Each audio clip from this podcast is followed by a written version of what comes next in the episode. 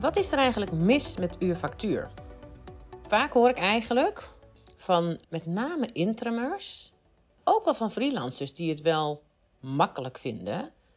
Als ik vertel waar ik mijn klanten mee help. Het is wel grappig, want er zijn dan dus eigenlijk twee groepen. Eén zegt direct: Oh ja, dit is zo wat voor mij geldt. Die voelen zo dat het uurfactuurmodel niet meer past. En er is een groep die zich echt afvraagt van maar waarom zou je niet uurfactuur willen? Die doen dat zelf en die vinden het eigenlijk heel relaxed. Dus de vraag in deze podcast die centraal staat: wat is er eigenlijk mis met uurfactuur? Of waarom zou je dit niet willen? Dat is een wat positievere geschetste zin, een vraag. En de grap is wel dat als ik dan met ze in gesprek ga. Ik had laatst weer iemand die was projectleider bij een organisatie als interimer voor drie dagen in de week. En toen we uiteindelijk echt het gesprek aangingen. Ik sprak haar in een heel andere context. Dus dat ging, ze was helemaal niet een klant of zo, of een potentiële klant. Nou, dat kan natuurlijk altijd zijn, maar dat was helemaal niet de insteek van dat gesprek. Maar goed, weet je, dan komt het er toch op. En toen uiteindelijk was het, ondanks dat zij zo het heerlijk vond hoe zij nu werkte, waren er toch kleine elementen waarvan zij dacht: oh ja, Bijvoorbeeld over hoe je een gesprek kan voeren. Uh, als het gaat, eh, als, bij, als je een nieuwe opdracht aanneemt, dat zij denkt, hmm, dat is toch wel echt een hele slimme insteek. Ik ga daar toch de volgende keer op letten. Dus echt heel grappig. Maar terug naar de vraag, wat is er mis met uurfactuur? Want ik heb dat zelf ook gedaan en ik sprak deze week ook weer een business buddy van mij die ook aangaf van ja, maar eigenlijk is het natuurlijk ook super relaxed uurfactuur. Er zitten ook heel veel voordelen aan. En die erken ik zeker. En wat ik ook altijd tegen ondernemers zeg die op uurfactuurbasis werken, is dat er, weet je, wie ben ik om te zeggen dat er iets mis is met uurfactuur? Dat is helemaal niet wat ik zeg, want ik weet dat er een hele groep ondernemers is die het heerlijk vindt, nooit zou willen veranderen. En dat is echt helemaal prima. Ik ben niet op een missie om een soort van de uurfactuur te bashen en iedereen die dat doet uh, dom te noemen en stom en niet alle kansen pakkend. Want volgens mij is de is het het allerbelangrijkste dat je doet wat echt jij heel fijn vindt en wat echt bij jou past. Dan, dat is voor mij echt succes. En de klanten waar ik mee werk, die voelen dat dit niet echt bij ze past en dat ze daarmee niet volledig tot bloei komen, dat hun potentie niet volledig tot zijn recht komt, dat er nog veel meer perspectief is, dat ze dat voelen en dat ze dat een soort van ergens op een braakliggend terrein voelen liggen en dat echt, uh, ja, dat knaagt. Wat dus niet wil zeggen dat iedereen dat moet. Maar wat is er mis met uurfactuur? Ik wil eerst even starten met wat is er nou eigenlijk zo fijn aan uurfactuur? En vervolgens zal ik aangeven waarom dat voor mij persoonlijk dus juist niet een voordeel was. Terwijl dat voor heel veel ondernemers, interim freelancers, wel een voordeel kan zijn. En wat er gebeurt. Ik zal, ik zal gewoon mijn eigen verhaal vertellen. Toen ik zelf als interim werkte, ook, dat was als freelancer wel iets minder. Want bij freelancer, als je freelancers werk doet, dan is de opdracht wel iets anders. Waardoor je toch wel meer met elkaar al praat over een resultaat. Of over iets wat jij neerzet of wat jij voor een ander doet. Je levert wel als, als freelancer, in mijn optiek, lever je wel meer iets op. Dus een product of een huisstijl of een tekst of een uh, idee. Ja, dat zit dat, voor mijn gevoel. Misschien als, als je denkt: nee, ik ben freelancer, is het mij helemaal niet zo. Laat het me vooral weten. Want ik vind het altijd super interessant om de diepgang van die doelgroep, zeg maar, ook uh, te zien. En de diversiteit daarbinnen. Maar als interimer word je toch heel vaak, nou ja, natuurlijk ingehuurd op uurbasis. En wordt er vooral gepraat ook wel over wat je moet doen. Soms ook wel over wat er aan het eind gerealiseerd moet zijn. Maar daar wordt veel minder hard, tussen aanhalingstekens, naar gekeken. En gaat het eigenlijk ook heel vaak over er gewoon zijn, een functie overnemen. Of misschien wel een project, in een projectteam zitten en daar je rol doen of rol hebben. En met elkaar een resultaat bereiken. En wat ik daar zelf van merkte, en ik sprak uh, dan laatst ook een ondernemer die dat inderdaad toch wel op, op meer. Ja, dat, was, dat is wel waar. Die deed dat niet op, op interimbasis. Dat was wel echt op freelance basis ook. Waarbij je toch een inspanningsafspraak maakt. Van ik ga dan voor jou per maand zoveel dit doen. Weet je, bijvoorbeeld social media. Zoveel posts plaatsen. Zoveel uh, video's editen. Ik ga zoveel, um, weet ik veel, beelden maken. Nou, weet je, dus, dus dat zijn ook meer afspraken over hoeveel je oplevert in plaats van op het resultaat. En het fijne daar is, en dat is dus het voordeel van uurfactuur, is dat het niet zo heel veel uitmaakt. Natuurlijk hè, wil je natuurlijk supergoed doen, maar het is iets minder gekoppeld aan wat, het echt, wat echt het resultaat uiteindelijk moet zijn. Wat het moet opleveren voor die klanten, behalve uh, tien posts en uh, drie teksten. Maar wat het moet doen, dat zit iets minder hard, terwijl je Waarbij, waardoor je dus op het, als je je factuur stuurt, denkt: Nou, ik heb, me aan me, ik heb me aan mijn afspraak gehouden. Ik heb die inspanning geleverd die we hebben afgesproken. En dat is natuurlijk bij interim ook zeker zo. Ik heb, natuurlijk doe je het met, al, met het beste wat je kan, maar het gaat om de inspanning en niet om het resultaat. En die is daar wat helderder, dat is dus ook wat makkelijker dan dat je afstapt van uurfactuur omdat het dan, en daar zitten wel echt nuances in, ook daar mag je echt gaan leren hoe je het neerzet en hoe je het verkoopt. Omdat het dan nog steeds over de inspanning gaat. Alleen je praat wel meer over het resultaat. En je moet heel duidelijk hebben hoe je dat gesprek voert over het resultaat, zodat je helder hebt waar welke verantwoordelijkheid ligt.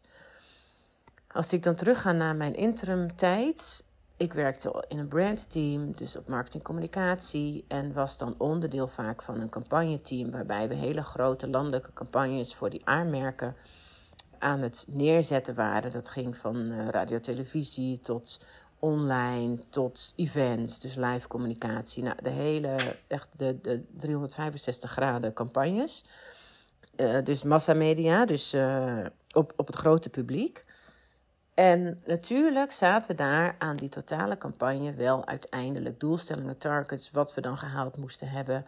Zowel in sales als in merkbekendheid, in zichtbaarheid. In zichtbaarheid werd dan echt gemeten in uh, top of mind awareness, in geholpen bekendheid. Nou, al die uh, marketingtermen, waar dan ook echt een onderzoeksbureau op zat van voormeten, nulmeting, nameten. Wat heeft het gedaan?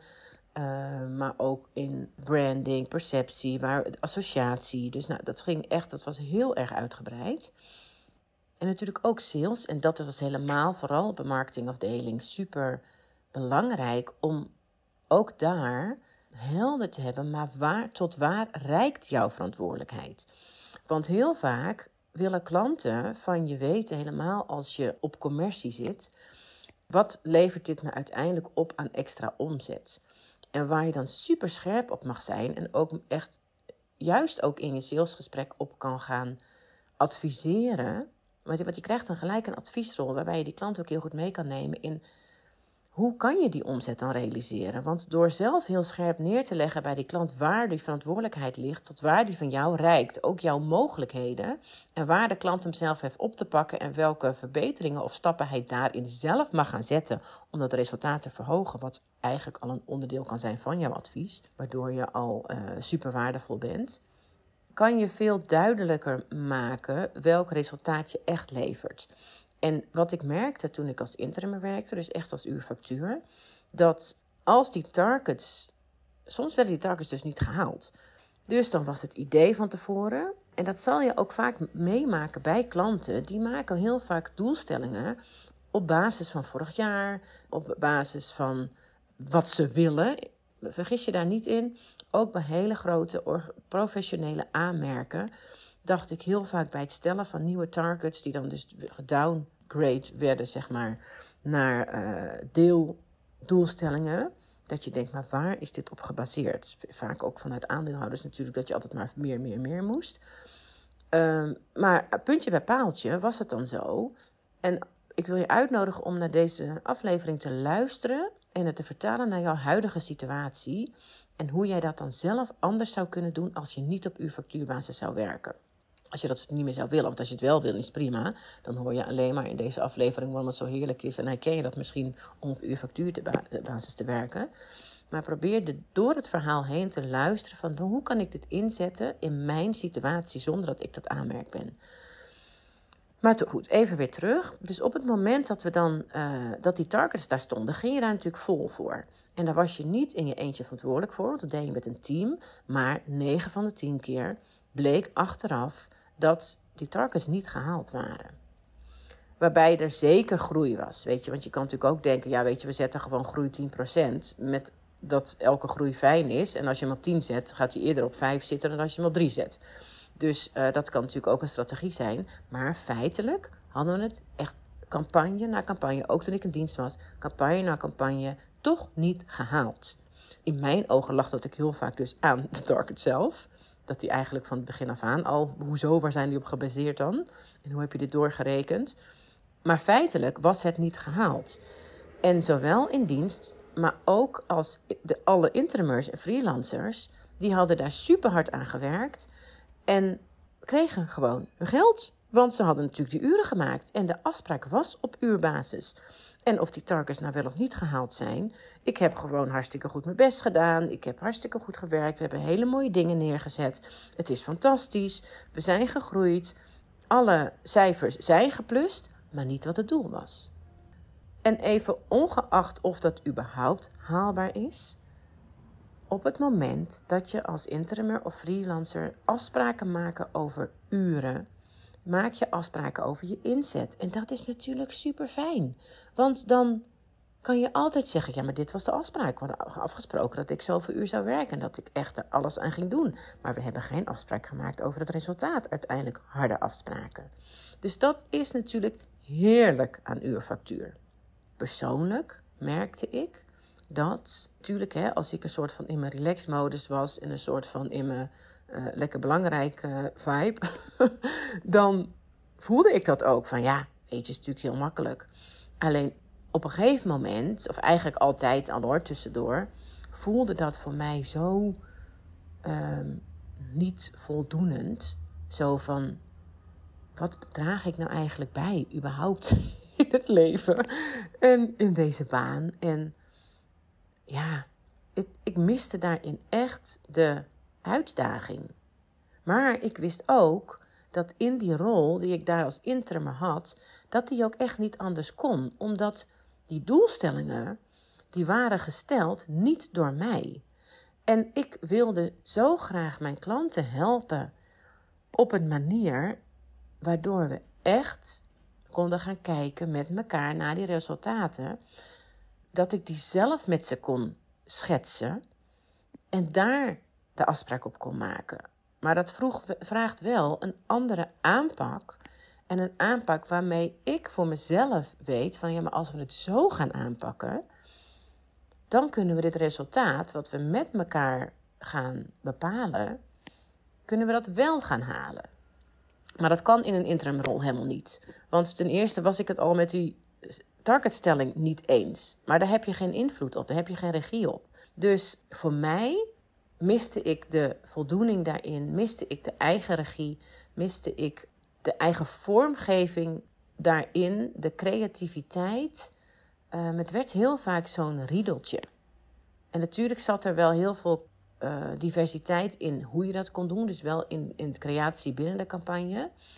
Maar de manier waarop, dus echt de manier waarop je dus een onderdeel bent van het geheel als interimer, dat paste bij mij niet meer. Maar het voordeel van uw factuur is de zekerheid. Of het maakt niet uit wat het resultaat wordt. Jij weet zeker dat als jij die uren maakt, dat je je geld krijgt. En dat is natuurlijk echt heerlijk. En voor sommige ondernemers ook echt voldoende. En als dat voor jou geldt, dan moet je dat natuurlijk gewoon heerlijk blijven doen. Dus dan is er dus echt helemaal niks mis met uw factuur. Anderzijds, want deze vraag kreeg ik vorige week dus van die projectmanager die ik sprak, die ook zei van ja, maar ik heb echt voldoende vrijheid en het is heerlijk. En ik, ik doe drie dagen werk ik voor deze opdrachtgever en daarnaast kan ik nog werken aan mijn eigen boek. En dan toch, dat was zo grappig, waarbij ik dus ook erken van als jij hier echt geen probleem mee hebt, dan is er dus ook geen probleem. Laten we het niet moeilijker maken dan het is. Maar in dat gesprek gaf zij juist ook aan dat die vrijheid zo, dat ze dat zo fijn vond. En zij, het was ook niet zo, want zij was interimeur. Het was niet zo dat zij bepaalde tijden moest werken van de opdrachtgever, alleen maar bepaalde aantal uren. Dus die vrijheid was daar ook echt. Maar toen zei ik maar, dit, dit werk wat je nu voor deze opdrachtgever doet, in deze zeg vier maanden, voor drie dagen in de week. Als je daar nou anders naar zou kijken, zeg, want je bent projectleider, je hebt waarschijnlijk werk je met een bepaalde methode om dit goed te leiden, even ongeacht welk project dat is. Jij hebt waarschijnlijk bepaalde werkvormen, zodat jij uh, de groep goed bij elkaar kan krijgen. Je werkt waarschijnlijk met bepaalde templates, waardoor het allemaal sneller gaat.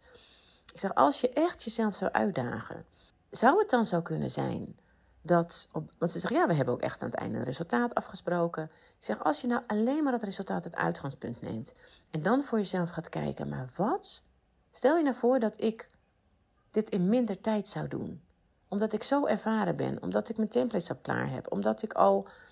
Uh, eigenlijk maar een half uur nodig heb voor een meeting in plaats van drie uur. Omdat ik gewoon weet wat ik moet doen.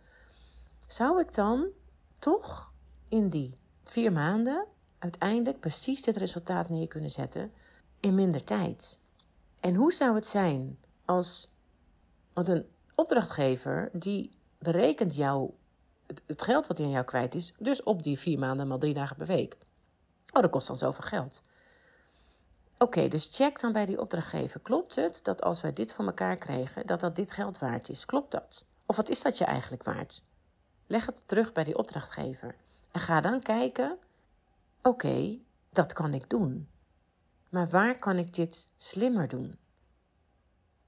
Zodat je niet die urenafspraak hoeft te maken. Want als jij dan eerlijk bent, dan zeg je ja, nou eerlijk gezegd, ik ben zo ervaren, dit kan ik ook wel twee dagen in de week. Maar dat, dat was de vraag niet. De vraag is, wat is dat waard? En door dat gesprek met haar aan te gaan, ook al dat zij erkende uur factuur werkt voor mij heel prima. Ik heb die vrijheid. Zij toch, hmm, ja, ik ga toch de volgende keer dat gesprek anders aan.